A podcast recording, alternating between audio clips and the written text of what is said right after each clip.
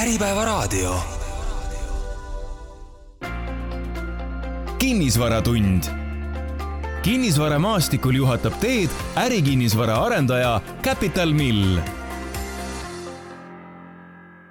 tere, hea Äripäeva raadio kuulaja, Kinnisvaratunni saatega alustame ja nagu ikka ärikinnisvarast selles ähm, saates ka täna neljakümne viie minuti jooksul juttu teeme. Ja täna ongi meil just plaanis praegust seisu ärikinnisvara turul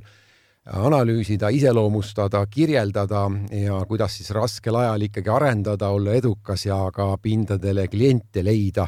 sellest oleme palunud täna saates rääkima kõigepealt eh, suure kinnisvaraarendaja Kapitali Arteri kvartali projekti direktori Allan Remmelkoori, tervist tervist kuulajatele! ja siis äh, hoopiski väiksemaid ja samas spetsiifilisemaid pindasid arendava Restate'i nõukogu liige Allan Kool, tervist! tervist ka minu poolt! mina, saatejuht Lauri Leet, hea meel on, et olete saatega liitunud. nüüd äh, olen ka lugenud tänase saate ettevalmistamise käigus erinevaid analüüse, erinevaid seisukohti, mis ärikinnisvara kohta siis nüüd novembri keskpaigas kaks tuhat kakskümmend kolm osapooled ja analüütikud on öelnud ja üks selline arvamus on, mis jäi silma, et nüüd sellest pandeemiast ja sõjast tekkinud sellised turukõikumised võiksid nüüd olla möödas ja tekkinud on teatav stabiilsus. kas nõustute sellega või endiselt on selline ebakindel aeg niimoodi tunnetuslikult öelduna, kuidas ütleksite, alustame Allan Remmelkoor jah, eks eh, kogu aeg mõtled, et on jälle mingisugune stabiilsus saavutatud, aga mõne kuu pärast selgub, et see oli kõik jällegi helesinine unistus ja on mingisugune uus eh, nii-öelda probleem laual, et need viimased kaks-kolm aastat on olnud ikkagi paras selline, paras karussell, et tõesti peaaegu et hüperinflatsioon ehitusmaterjalide, ehitushindade turul, äh, sõda, Covid, äh, nii et oleme põneval ajal elanud. aga noh, tõesti vähemalt äh, tundub, et, et vähemalt ehitushindade osas me ei pea kartma enam mingit väga suurt kasvu, noh, tõsi, odavamaks minek ilmselt saaks olla ainult läbi mingi väga-väga suurte kriiside nii et ka seda me justkui tegelikult ei looda, et stabiilsus on küll see jah, mida praegu ihkaks. Allan Kool, võrreldes praegust hetkeseisu novembri keskpaigas viimase kahe aasta seisuga on nüüd mingi stabiilsem olukord või endiselt sama ebastabiilne, kuidas võtad tukku? no ma olen selle koha pealt Allaniga nõus, et, et meie äri puudutas see kõikumine ka eelkõige läbi ehitushinna, et ehitushind põhjustas nagu kõige rohkem teadmatust, kõige rohkem üllatusi. Kui ehitushind kõrvale jätta, siis äh, siis noh, ja täna, täna ehitushinna nagu problemaatilise poolena võib ju taandada ära, sellepärast et ehitushinnad täna on, on ilmselt kergelt languses, siis meie kingadest või kui arendaja kingadest vaadatuna on, on turg täna suhteliselt stabiilne, et meil ei ole üllatusi, meil ei ole selliseid asju, mida me ei suudaks ette prognoosida, et, et võib-olla kaks arendaja kingadest vaadates kõige olulisemat asja ongi ehk ehitushind ja, ja nõudlus äripindade järele. Jõuame siis ka hakata kirjeldama, et mis need ähm, võiksid olla need tegurid, mis siis seda paremat äh, seisu lubavad, aga kui nüüd kohe juba kiirelt piiluda järgmisse aastasse, siis äh, mis võiks tulema hakata, siis lugesin välja jällegi mõnest äh, hinnangust, et kaks tuhat kakskümmend neli võiksid teenuste mahud taas suureneda. Äh, uute ideede analüüs käib, domineerib konsultatsioon ja käib ka kõva võitlus uute üürnike nimel järgmisel aastal, selline üks hinnang. Äh, nõustute või lisate midagi juurde, lükkate ümber? noh, kui vaadata, kui lugeda ajakirjandust, vaadata uudiseid, mis laias maailmas toimub, siis endiselt ega häid uudiseid ju tegelikult tuleb vähe pigem on praegu ikkagi selline faas, kus äh, ka psühholoogiliselt ollakse justkui kõikide asjadega hästi rahulolematud, äh, kõik asjad on valesti, äh, kõikides asjades justkui valetatakse ja kõik nii edasi. et see tahes-tahtmata ta veidi nagu pärsib sellist üldist nii-öelda mentaliteeti, et alati on arendada hea siis, kui on turul selline üldine nii-öelda optimistlik vaade, et praegu sellist üldist optimistlikku vaadet justkui ei, ei tunneta aga teisest küljest jällegi on, on paljud äh, nii-öelda äh, tel-, noh, ütleme siis potentsiaalsed üürnikud on ikkagi viimase aasta-pooleteise jooksul oma otsuseid tahtnud edasi lükata, aga noh, sa ei saa lõputult tegelikult seda edasi lükata. kui su, kui sa opereerid ikkagi üüripindadel, mis on projekteeritud, loodud viis, kümme rääkimata viisteist aastat tagasi äh, nii-öelda raamistikus, siis selge, et täna sinu töötajad vajavad muud, nad ootavad paremat äh, see kõlab banaalselt, aga endiselt on fookuses nii-öelda töötajate meelitamine kodukontorist tagasi. aga sa ei suuda ja veel, mida aeg edasi, seda vähem sa suudad meelitada oma töötajaid kontorisse tagasi, kui sul ei ole uut ja renoveeritud uutele nõudmistele vastavat üüripinda Allan Kool. tõsi, et äh, uudiseid lugedes on äh,, jääb mulje justkui, et kõik on halb, et kõik on äh,, kõigil läheb halvasti, aga tegelikult seal taustal on äh, päris palju ettevõtteid, ma ütleks, et enamus ettevõtteid, kellel tegelikult läheb normaalselt v. võib-olla vaadatakse, vaadatakse kerge ettevaatlikkusega tulevikku, aga, aga see, see negatiivne foon on tekkinud justkui, kui mingi, justkui mingi segmendi äh, taustal ehk et äh, et täna on äh, küllalt stabiilne, vaadates üürnikele silmadesse, pidades läbirääkimisi, siis, äh, siis ei saa öelda, et, et,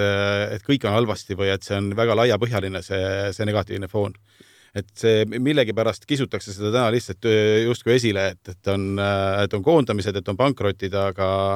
aga ma ei leia, et see olukord täna nii hull on. Lähemegi siis natuke spetsiifilisemaks teie ettevõtete tegemisi konkreetselt ka natukene kirjeldama. Allan Kool Restate arendab selliseid stock office, loft office pindasid paari tuhande ruutmeetriseid, see on teie edu viimased aastad isegi võib-olla natuke rohkem olnud, nendel on nõudlus suur. antud hetkel ka näiteks Meteo maja nurgakivi äsja paigaldasite Tallinnas Lasnamäele, arendate aga need kõik on ikkagi olnud sellise tõusva majanduse ajal tehtud äh, äh, sellised investeeringud ja siiamaani hästi tasunud, nagu ma aru saan. kas ka nüüd ikkagi langeva majanduse juures see mudel töötab ja see nõudlus tõesti on olemas äh, taoliste pindade järele endiselt? ma arvan, et, et see stock office'i mudel töötab paremini kui, kui teised ärikinnisvaraklassid neid äh, nurgataguseid ja keldripindadel olevaid ettevõtteid on äh, tegelikult palju, kes äh, tahavad tulla tänavale ja neid liikumisi on tegelikult nii tõusval turul kui langeval turul. Ehk et vajatakse väiksemat pinda, efektiivsemat pinda, kellelgi läheb hästi, kellelgi läheb halvasti, ikka ettevõtted liiguvad ja, ja kui, kui eluasemeturul äh, tihti otsustajaks on pank, siis äh, siis meie kasuks räägib kindlasti see, et, et äh, stock office'i pinna üürimisel otsuse teeb juhatuse liige või juhatuse liikmed. ja seal ei ole vaja ei panga otsust ega seal ei ole nagu kõrvalisi isikuid, kelle käest seda peaks küsima, seal kaalutakse lihtsalt, et kas see kolimine äh, klientide vaates, ettevõtte kulude vaates on äh, optimaalne et kas nad, kas see, kas ettevõte peab selle vastu ja, ja tehakse see otsus ära ja kolitakse ära kui palju on äh, viimased aastad äh, olnud aastas hinnatõus teie äh, valminud arendustes? siis teame... sa pead silma ehitushinna tõusu? ma mõtlen ju hetkel üüri, kui üüri räägime üüri, üüri. üürihinnad äh, hetkel püsivad paigal, et äh, viimase kahe aasta jooksul, eks nad on ikka siin oma äh, noh, sõltuvalt asukohast oma kümme, kakskümmend protsenti tõusu teinud. on tõusu ära teinud ja hetkel nüüd aga see ei ole ka tingitud otseselt nagu turust, see on võib-olla sellest, et, et, et need stock office'i pinnad on kogunud äh, tuntust, et varem ta oli selline veidi tundmatu toode inimestele, nad ei saanud aru, miks, miks vajalik on täna pigem hakkab ettevõtjale kohale jõudma, et, et stock office pinna abil on võimalik kulusid oluliselt tööjõu pealt näiteks kokku hoida. Kesk-, keskmiselt mitu üürnikku mahub ühele sellisele paari tuhandese ruutmeetrisele no, meil tegelikult ei ole neid paari tuhandese ruutmeetrisi maju enam, et neid on pigem tegelikult vähe, et, et täna tegelikult nelja, neli tuhat, viis tuhat, kuus tuhat ruutmeetrit. selge, nende viie tuhande, kuue tuhande, palju nendele mahub? Noh, kakssada viiskümmend ruutmeetrit on, on enam-vähem kõige väiksem boks, mida on võimalik teha niimoodi, et ta vastaks rahvusvahelistele laostandarditele, et oleks võimalik tõstukiga riiulite vahel sõita või virnastajaga ja et oleks ka mingil määral kontorit ja kaubanduspinda, siis äh, alla kahesaja ruutmeetrist pinda põhimõtteliselt stock office'ina teha, noh, on võimalik, aga, aga siis, siis ta hakkab kuskilt äh, nagu king hakkab pigistama. aga mis see keskmine on veel klientide puhul, mida nad soovivad? kakssada viiskümmend kuni nelisada ruutmeetrit on äh, sellise boksi. see tähendab, et kümme kuni viisteist üürnikku on keskmiselt ühe, ühe, ühe stock office'il. Äh, Allan Remmelkoor, teie arendate kuulsat Arteri kvartalit, kolm kõrghoonet, keskhoone kõige suurem parkimismaja, ligi nelikümmend tuhat üüripinda, me neid arve, fakte teame, uhkeid arve, aga võib-olla kõige suurem selline uudisväärtus pomm tuli mõni aeg tagasi, et Swedbank kolib siis oma Tallinna liivalaia pinna täielikult Arteri kvartali kahekümne kaheksa korruselisse hoonesse, et kuidas see kokkulepe sündis, kes kelle leidis ja kes ettepaneku esimesena tegi?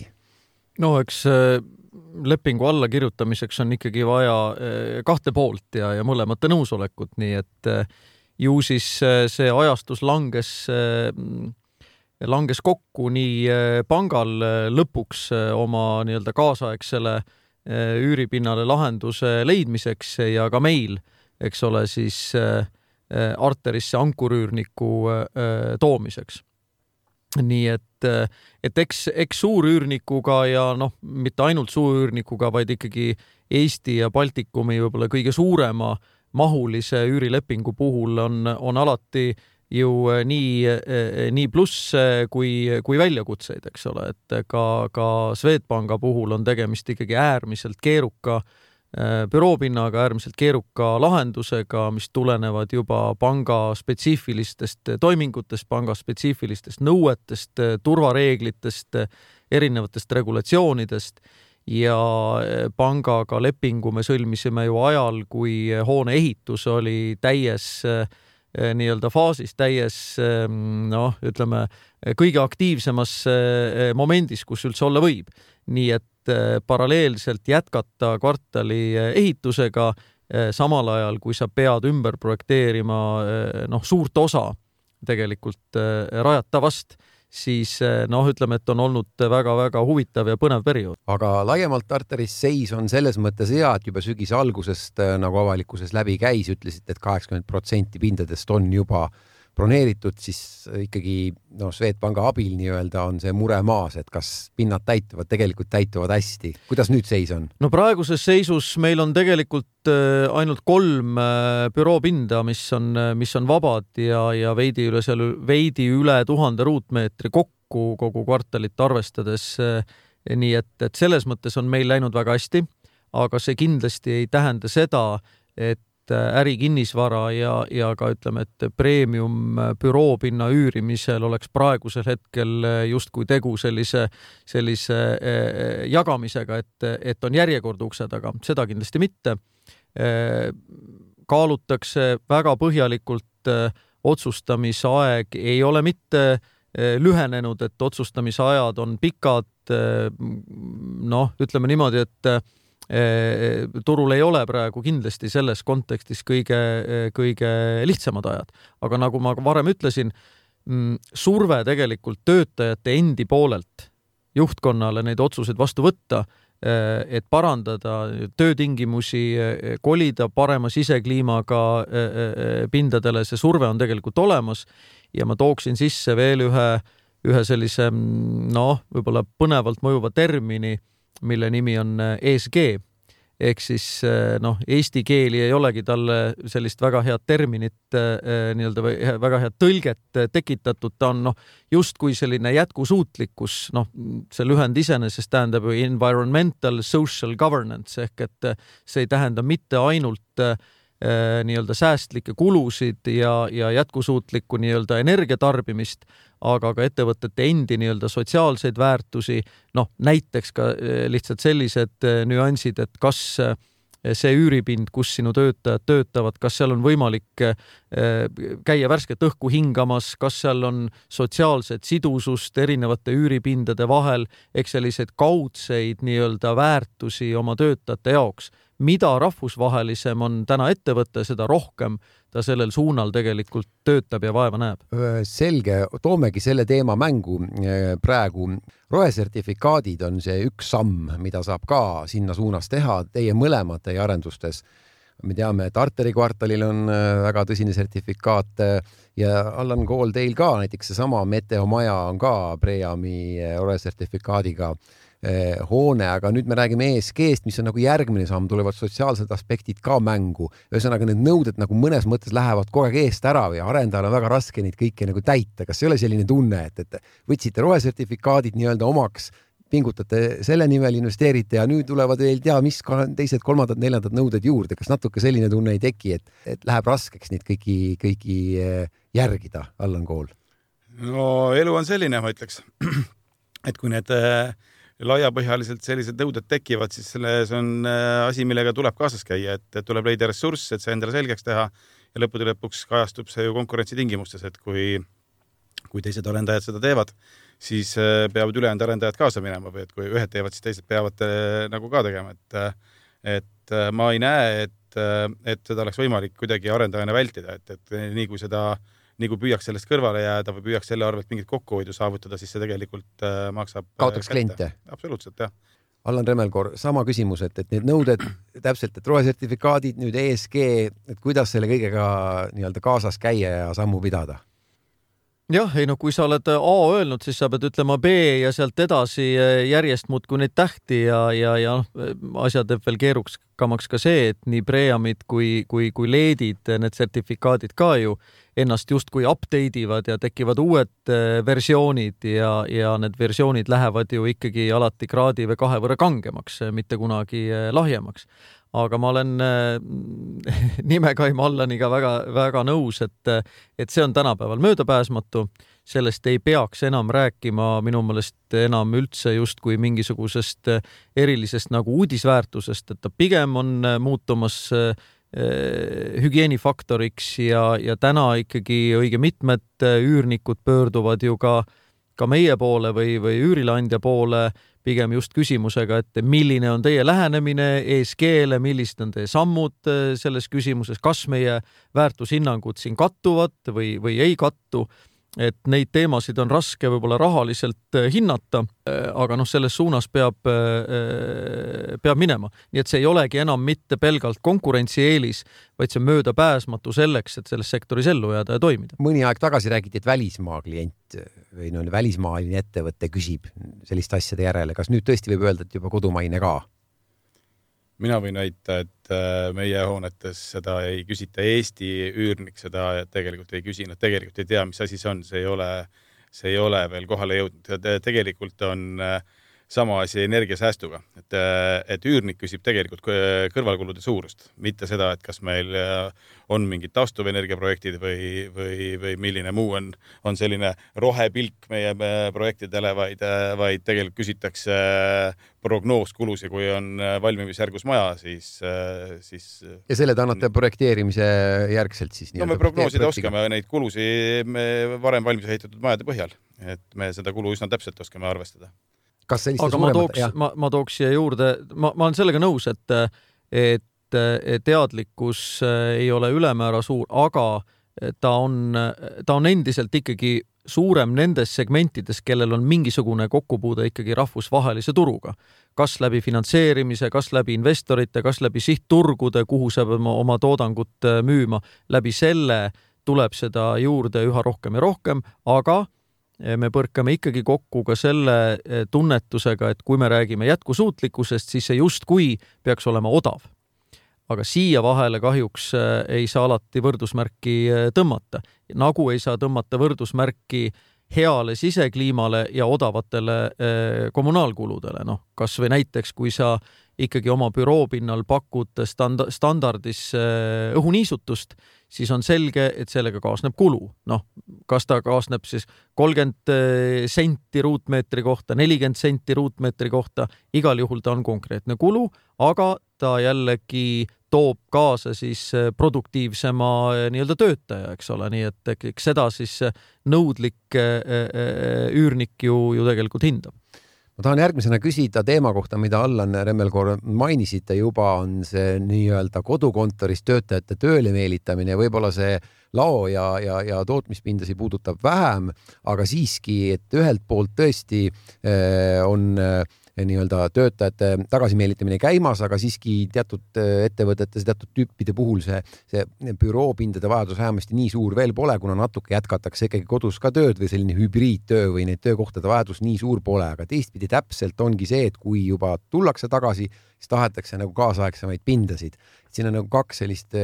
jõusuunda, et üks on see, et, et pinnad on väiksemad, miks tähendab seda, et vanadel pindadel võiks nagu jätkata, pole uusi vaja, mis peaks nagu vähendama uute pindade vajadust. Aga teistpidi, kui juba tullakse tagasi, siis tahetakse, et ettevõttel oleks kaasaegsed uued pinnad, et kumb jõuõlg nagu rohkem toimib praegu, kas pigem ollakse vanadel pindadel edasi ja ei ole seda nõudlust ikkagi, nagu me sel aastal näinud oleme, et nõudlus ei ole väga suur või on ikkagi selle kaalub üles see vajadus, et me tahame kaasaegseid pindasid ja kui juba siis pigem on see tipp äh, hea pind, välja arendatud, energiasäästlik, kaasaegne ei noh, eks, eks tahetakse äh, kolida ja, ja sellist kvalitatiivset äh, muutust ju, ju, ju ikka, aga, aga noh, eks seda tasakaalu otsitaksegi just. Ehk et pahatihti lükatakse siiski ka, ka praegusel hetkel neid otsuseid edasi sellel põhjusel, et siis noh, ütleme, et tuleviku suhtes on teatav ebakindlus. Aga, mm,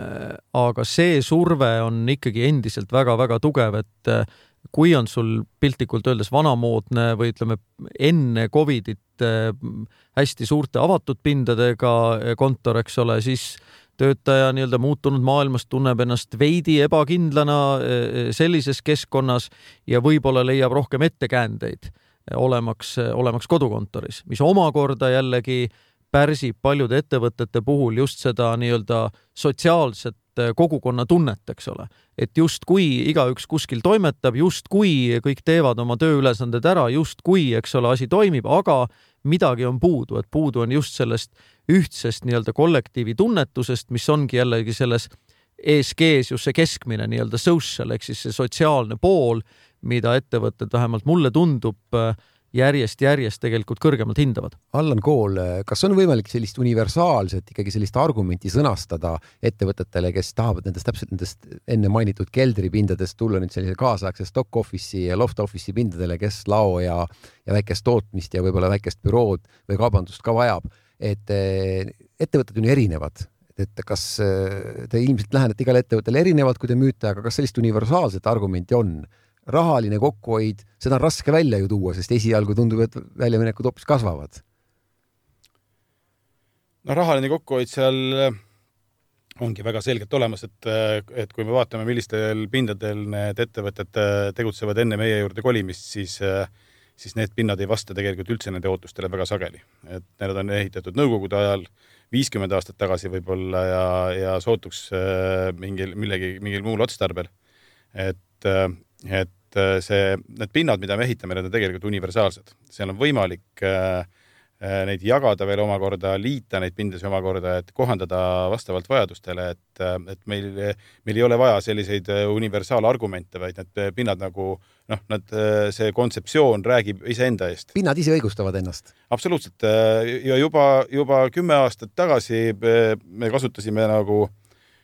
no mitte isegi ei kasutanud, me nägime tendentsi, et äh, et need, kes kolivad vanalt pinnalt uuele, need mitte kunagi, ma võib-olla üldistan natukene, aga mitte kunagi ei ole valmis kolima vanale pinnale äh, tagasi, et nad, äh, kui, kui tule, tullakse uuele pinnale, seal on, äh, seal on avarus, seal on värske õhk, seal on ühtlane temperatuur, seal on kõik need töötingimused tagatud, mida neil varem ei ole olnud ja mitte ükski ettevõte ei taha tegelikult vanale pinnale tagasi kolida et eh, kuidas siis see müük alguses teil käib, et kõigepealt siis nagu palute kirjeldada seda pinda, kus nad praegu on, need, kes vanal pinnal veel on ja see kirjeldus ise on juba nii ebameeldiv, et selle kaudu on väga lihtne hakata müüma seda. no me ei lähene enda. niimoodi no,, tegelikult on küll ka selliseid olukordi, kus me juhuslikult astume kuhugi kauplusesse sisse, vaatame, et kurat, teil on siin kitsas on ju, et et teil on siin, teil ei ole siin ju, te, te ei ole sellisel pinnal, kus te tahaksite tegutseda, on ju, et loomulikult on, on ka selliseid olukordi, aga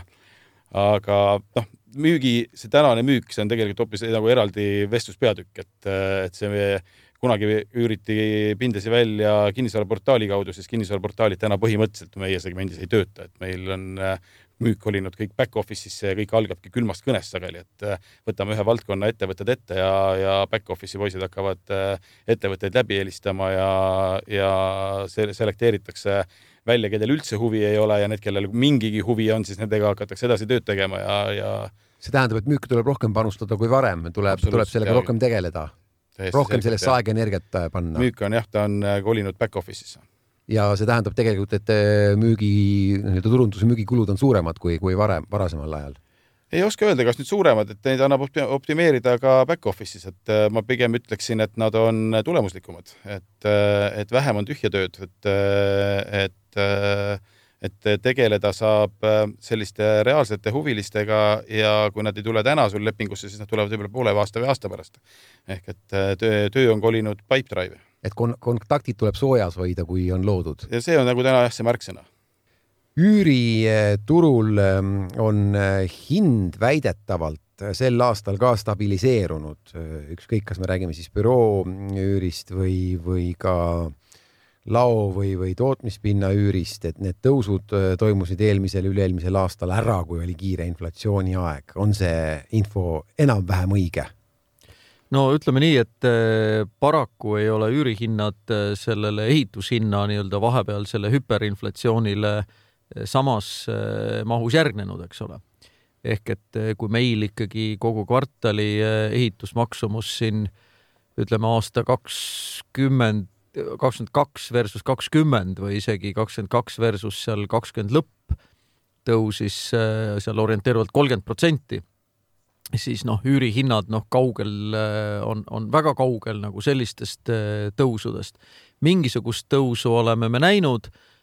pigem on küsimus täna selles, et millised on need indekseerimise määrad, mida üürilepingutesse sisse kirjutada, noh, täna paljuski ju ikkagi sätestatakse nii alumist kui ülemist lage sellele indeksile. Eks, eks väga paljud üürnikud ja üürileandjad said oma oma vitsad üht või teistpidi kätte sellesama nii-öelda inflatsiooni kapakuga siin sinna viieteistkümne, seitsmeteistkümne protsendini välja, eks ole, et kui neid ei olnud mõistlikult reguleeritud, et siis noh, olid, oli, oli valusaid juhtumeid turul. aga, aga noh, kui sul on ikkagi heas asukohas ja, ja läbimõeldud planeeritud toode, siis sa vähemalt loodad sellele, et mõistliku üürihinna jooksva kasvuga ja indekseerimisega sa saad vähemalt eh, noh, selle projekti tulukuse pikas perspektiivis ikkagi rahuldavale tasemele, aga noh, ütleme, et tegemist ei ole täna kindlasti mingi väga kõrge tulukusega äh, nagu ütleme majand, majandusharuga. Allan Kool, kas sama kokkuvõte? ma olen nõus, et, et, et see hindade kõikumine on käinud kõik arendaja marginaali arvelt, et, et ehitushinnad on kasvanud, üürihinnad äh, loodetult äh, järele kasvanud ei ole. ja, ja sellest hoolimata täna projektid tegemata ei jää, lihtsalt äh, pingutame veidi püksirihma ja, ja läheme edasi, aga nii ta on, jah siis tähendab, võib öelda, et arendajad on varasemal ajal teeninud kopstakamaid kasumeid ja rentaablus on parem olnud, nüüd tuleb lihtsalt natuke püksirihma pingutada, saab ka tehtud, aga joone alla ei teki eh, nii suurt numbrit enam, kui asi tehtud ei no joone, joone alusest eh, sööb väga rasvase suutäie ära ikkagi intress pangale. Et noh, sõltuvalt muidugi, mis, mis ettevõttega, mis kapitaliseeritus, kui suured absoluutnumbrid, aga noh, igal juhul seal nullilähedasest nelja, nelja pooleni seda, selle Euribori äh, tõus, eks ole, pluss marginaalid, et, et, et selle, see on ära söönud kindlasti viimasel aastal ja ka käesoleval aastal seda, seda kasumlikkust just nimelt sealt joone alt, et kui on võib-olla punnitud ja nähtud vaeva ja, ja saadud häid tulemusi, uusi üürilepinguid, siis noh, teistpidi on, on rõõm maksta sellest suur osa jällegi pankadele. kuidas ehitajaga praegu ähm, lepete sõlmimine käib, kui siin aasta-poolteist tagasi äh, kui ehitushinnad väga kõvasti üles läksid, just ehitaja jaoks oli sisendite tõus ka tormiline ja etteennustamatu, siis me rääkisime väga palju avatud hinnaga ehituslepingutest või vähemalt osaliselt mingit moodi indekseeritud ehituslepingutest. ehitaja ei olnud nõus enam suletud lõpliku hinnaga üldse ehitama hakkamagi, sest et ta ei teadnud, mis tema jaoks kulud poole aasta pärast on, siis nüüd, kas saab jälle nii-öelda tagasi tulla selle vana normaalsuse juurde või on mingi uus äh, kokkulepete norm turul, kuidas ehituslepinguid sõlmitakse, kuidas teie sõlmite, Allan?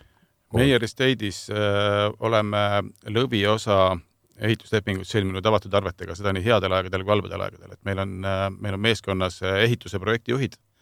me väga hästi tunneme oma toodet ja, ja me oleme leidnud, et efektiivsem on ehitada avatud arvetega, sisuliselt avatud arvetega. Teie jaoks ka, arendaja jaoks ka, see ei ole ainult ehitaja jaoks sõbralikum. Kuidas seda tagada siis, et ehitaja ei hakkaks avatud arvete puhul järjest rohkem nii-öelda äh, mm, uusi arveid esitama ja, ja teie jaoks see kulu väga kiiresti kasvab? noh, see protsess ei ole ikkagi nagu kontrollimatu, et see ei käi äh, ehitaja tagatubades, vaid see ehitusprotsess käib ikkagi ühiselt ja koos. ehk et meil on võimalik kõike kontrollida, meil on võimalik kõike väikseid allhankeid kontrollida, et, äh, et meil on võimalik koos soovi korral äh, alltöövõtjaid valida, et et, et noh, see on, see on lihtsalt, see töö on mahukam, aga ta on tulemuslikum. see tähendab teatud mõttes ka jah, ehituse projekti juhtimise rolli võtmist. jah, meil on see kompetents kontoris olemas ja, ja see on edu toonud, jah. Allan Remmelkoor, teil on praktiliselt sama seis olnud Arteri kvartaliga, nagu ma tean. meil on, on samuti jah, nii nii-öelda avatud arvetega open book äh, süsteemiga ehitusleping äh, ja, ja noh, tõesti siin aasta-poolteist tagasi kindlasti oli üleüldse välistatud äh, sisuliselt noh, mingisugused muud lepped, kuna noh, tõesti see volatiilsus ja ütleme, määramatus nende hindade osas oli niivõrd äh, kõrge, et ei olnud ei olnud justkui äh, mõtet määrata isegi niinimetatud sihthinda, eks ole, et kuna ka sihthinna määramise osas noh, puudus tegelikult turul üleüldse arusaam, eks ta, eks ta ühest küljest nõuab nagu äh, nagu Allan just ütles, et nõuab äh, arendaja või ütleme siis tellija poolset äh, kompetentsi, teisest küljest eks ta nõuab sellist äh, usalduslikku suhet, eks ole, usalduslikku suhet ehitajaga, et tõesti need hankeprotsessid on avatud, et neid hinnatakse koos mm, ja, ja noh, nii tegelikult on, on praegu mõistlik ka, ka meie hinnangul ehitada tõesti Allan Kool, see on küsimus ilmselt rohkem eh, teile. Mm, pean küsima seda, et eh, kuidas eh, teie saate hakkama selle massiivse planeeringute venimisega, kuidas te leiate krunte, kuidas te kõige sellele vaatamata, nagu te siin eetriväliselt ütlesite, et teil on tegelikult nelikümmend tuhat ruutmeetrit nii-öelda soojas olemas juba, et saaks kohe jooksvalt edasi arendada, uusi projekte algatada. kuidas te kõike sellega toime tulete, et tegelikult ju kõik arendajad on aastaid kurtnud, et planeeringud venivad ja, ja uusi krunte pole ja ühesõnaga ei saa teha, kuigi, kuigi tahaks teha. planeeringute venimise vastu on väga lihtne rohi, et, et ära osta krunti ilma planeeringuta Tallinna linna, et, et kahjuks see on tõsi. et meie oleme keeranud oma pilgu paratamatult äh, äh, linna piiri taha, linna ringtee sisse äh,, aga, aga linnapiirist välja lähivaldades planeeringud jooksevad hästi, võimalusel püüame leida planeeringuga maad. Tallinna linnast planeeringuga maad osta ka loomulikult on, on õige ja hea, aga planeeringuta maad täna linna noh, seal peab olema siis midagi väga head, et osta, seal peab olema näiteks äh, üürivoog, üürirahavvoog peal, et üürilepingutega kaetud, et siis on aega kümme aastat istuda ja, ja detailplaneeringut teha, et äh, et ega siin muud rohtu ei ole. aga pakkumisi on Tallinna linnas? jah, noh, kinnistute ostmisega on natukene sama lugu nagu üürnike otsimisega, et, et back-office'i töö on äh, tugev, et on olemas äh, sisseostujuht, kes äh, kammib läbi piirkondi, otsib sobivaid kinnistuid, võtab omanikega ühendust, räägib läbi meie üks, üks mudel, mida me välja pakume, on kinnistu omanikule, et teeme koos et hoolimata sellest, mis tal kinnistu peal täna toimub, algatame planeeringu lepime kokku, millised on äh, ühe ja teise poole kohustused ja, ja arendamegi lõpuni valmis, on see siis viie või viieteist aasta pärast, aga, aga selliseid kokkuleppeid aeg-ajalt sünnib. et äh, kuidas see vastutuse jagamine? Noh, see on lepingu, lepingus kokkuleppimise küsimus, et, et ta peab olema mõlemale poole motiveeriv, ega ta on äh, lihtne, et seal ei saa olla, et, et need kokkulepped lihtsalt ei sünni, kui, kui nad on ühe või teise poole kasuks kaldu Äh, küsimus Allan Remmelkoor ilmselt rohkem teile, kui me räägime nüüd äh, hoonete, äh, ärihoonete haldamisest. mõnda aega on juba olnud küll rohkem teoreetiline, aga siiski järjest nagu rohkem sisse tungiv jutt see, et, et võetakse mudelis ka hoone haldamine, võetakse teostusmudel rakendamisele, et oleks hoone haldamine selline tark, efektiivne, tulemuslik. nüüd räägitakse ai ja tehisintellekti arvesse võtmisest juba kui palju saate öelda nüüd praegu kaks tuhat kakskümmend kolm lõpp, et eh, hoone haldamine on kahekümne esimese sajandi kohaselt tark sellises suures arenduses näiteks ka nagu teie teete või ikkagi me oleme seal kahekümnenda sajandi variandi puhul, et on haldaja ja on kuskil hooneautomaatika ja tuleb ühel hetkel spetsialist kohale sinna hooneautomaatikasse, vaatab, et mingi tuluke vilgub ja üritab siis seal mõnda kapi ust lahti teha ja vaadata tehniliselt, milles füüsiliselt asi on. suure kruvikeerajaga. jah no ütleme nii, et meil Arteris tõsi eh, halduseni kui selliseni läheb veel pisut aega. alguses tuleb veel ehitada. ja, aga vaade ja on olemas. kolida. Aga, aga noh, tõsi ta on, et, et me ise ei räägi nii palju enam eh, haldusest, sellest ter-, seda terminit kasutades, eh, kuivõrd pigem teenuste juhtimisest, sest me ikkagi oma üürnikele justkui pakume ju teenust, et me ei halda nende üüripinda vaid me juhime kvartalis pakutavaid teenuseid. Ja loomulikult proovime seda teha eh, digitaliseeritumalt, eh, proovime seda teha sellisel moel, et me saaks mõõta efektiivsust, probleemide lahendamise kiirust, kõiki neid väikseid detaile. tõsi, ai kasutamist me hetkel ei ole justkui veel äh, kavandanud, planeerinud, küll aga, aga mudeli tarkvara kasutades seda kindlasti, mida suuremad ja keerukamad on need hooned, seda rohkem nad võib-olla taolist lähenemist ka, ka, ka vajavad. et nii-öelda tunkedes ja kruvikeerajate nii-öelda haldurite kuvand hakkab ikkagi kergelt murenema ja, ja noh, ana-, analoogi võib-olla mängu tuues, et kui vanasti öeldi, et Žigulit oskas iga mees remontida ja võib-olla isegi Fordi või Opelit, eks ole, suudab keegi seal kapoti all nagu korda teha. noh, siis võib-olla keerukamate masinate ja, ja, ja, ja keerukamate mudelite osas, noh, hoidku jumal, eks ole, et, et tunkedes kruvikeerajaga mees läheb mingit probleemi lahendama. et et, et selles mõttes efektiivne teenuste juhtimine täna on üks äh, teema, noh, mida nõudlikud üürnikud tegelikult eeldavad ja küsivad, et kuidas see on lahendatud, mismoodi. nii et ähm, see on, on, on põnev, põnev protsess. Allan Kool, kuidas käib äh, ikkagi ka sellise teie arendatud äh, pinna puhul see just see kõrvalkulude kokkuhoiu saavutamine selles mõttes, et teil ei, ei ole mõtet ju projekteerida sinna väga keerukat mingit hooneautomaatikat sisse kui on äh, sellise noh, võib ikkagi vist öelda lihtsa lao või tootmispinnaga tegemist. Äh, kuidas siis see kütte ja, ja ventilatsiooni ja muude kulude kokkuhoid tuleb? Äh, meie hooned on loomult lihtsad, me oleme teinud keerukaid hooneid, keerukamaid hooneid, me oleme, oleme pannud keerukaid läbipääsusüsteeme, me oleme pannud hoone automaatikaid äh, innovaatilisi, neid tegelikult meie hoonetes ei tarbita. ehk et äh, neid ei taheta lõpuks kinni maksta, sellepärast et kõikidel nendel keerukatel hoone automaatikasüsteemidel on äh, vaja järelteenust, ehk siis, et seda, see järelteenus on kulu, isegi kui võtta, panna kaamerad äh, äh, sisse, siis äh, kaameratel on igakuine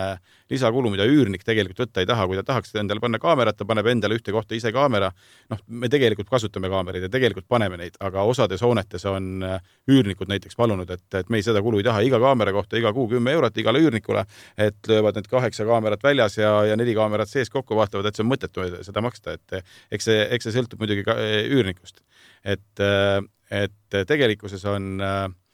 hooned lihtsad kui vaadata, kuidas kasutatakse neid, kui need on moonele külge pandud, siis reeglina inimene tuleb raudvõtmega uksest sisse. ma ei tea, miks see niimoodi on, aga, aga noh, e-, eks seal on muidugi põhjuseid, saab otsida nagu eri, eri kohtadest, et, et kui keegi paneb endale koju eh, elektriga avatavad kardinad, siis sa pead arvestama sellega, et ta kvartalis korra vähemalt jookseb kinni, seda on vaja restartida, reboot ida, on ju, et, et selle jaoks on vaja kellelegi helistada ja samamoodi on ärihoones, aga sa ei saa äh, nagu, sa ei, sa ei pea olema kogu aeg valmis selleks, et sul mingi süsteem jääb seisma, et kui, kui on äh, ladu, kontor, kauplushoone, siis tegelikult sa tahad, et sul käivad uksed õigel päeval õigel ajal lahti ja kinni ja, ja see ülejäänud on kõik selline noh ma ütlen, et, et me oleme neid pannud, aga me täna kaalume iga projekti alguses hoolikalt, et kas see on see asukoht, kas see on see koht, kas see on see aeg täna, kas see hoone kontseptsioon on selline, kus seda võidakse tarbida ja, ja seda tegelikult täna kasutatakse vähe, see oli moodne vahepeal, ühel hetkel see tuli välja, kõigile meeldis väga näidata sõbrale, kuidas ta saab valgustust kodust äh, sisse ja välja lülitada oma kontoris. aga, aga see oli see hetk ja täna tegelikult seda, seda tegelikult ei küsita, mõnes mõttes see on nagu tagurlik, aga, aga paraku see on. nüüd äh, tahetakse niisugust lihtsat lahendust, saan võtmega ukse lahti ja niisugust lollikindlalt äh, toimivat. Ja kõrvalkulud saabki siis nii alla, et neid ühikuid, mille eest igakuine nii-öelda arve tuleb, on vähem äh, selle tõttu, et ta on lihtne lollikindel, et, et selle tähendabki kõrvalkulud on just, ka madalamad. nii on jah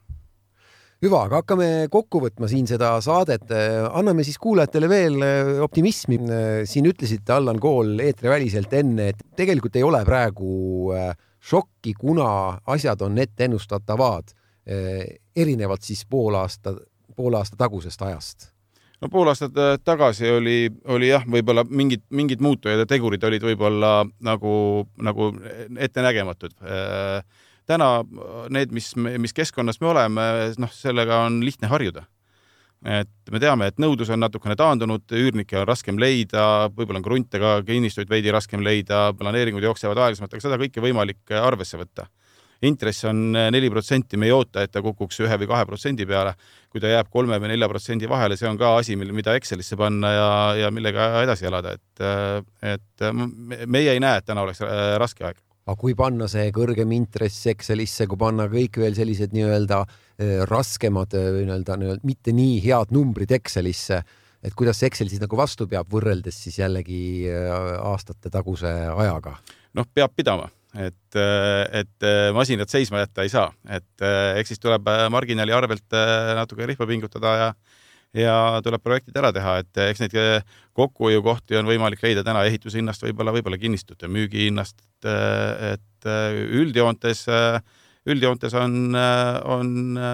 äri korralik täna Öelge ära siis, kui nüüd see marginaal ikka on siin mitu korda laual olnud, et mis see marginaal siis oli heal ajal ja mis ta on praegu, palju ta siis nüüd praegu on väiksem, palju te olete pidanud püksirihma no, pingutama? ma ei ütleks seda niimoodi protsentides, et ma ei usu, et keegi äriplaani kokku pannes lööb kokku kulud, lisab sinna oma marginaali ja siis tuletab sellest äh, väljamüügi või üürihinna. et tegelikult võetakse ikkagi projekt ette, vaadatakse, mis on maht, mida on võimalik teha vaadatakse, mis on see maksimaalne üürihind, mis on võimalik sealt võtta ja siis lahutatakse sealt pealt maha kulu ja, ja vaadatakse, palju järele jääb et äh, ma ei tahaks äh, eurodesse ega protsentidesse laskuda, aga ma ütlen, et, et see on, see on normaalne, see on turule kohane äri praegu ja sellises olukorras nagu praegu majandus, nõudlus, intressimäärad, seda äri annab ajada ja annab, ajate ka edaspidi järgnevatel aastatel, kui ei peaks paremaks minema. ja ikka muidugi jah. Allan Remmelkoor, kas võib öelda, et nüüd nagu teie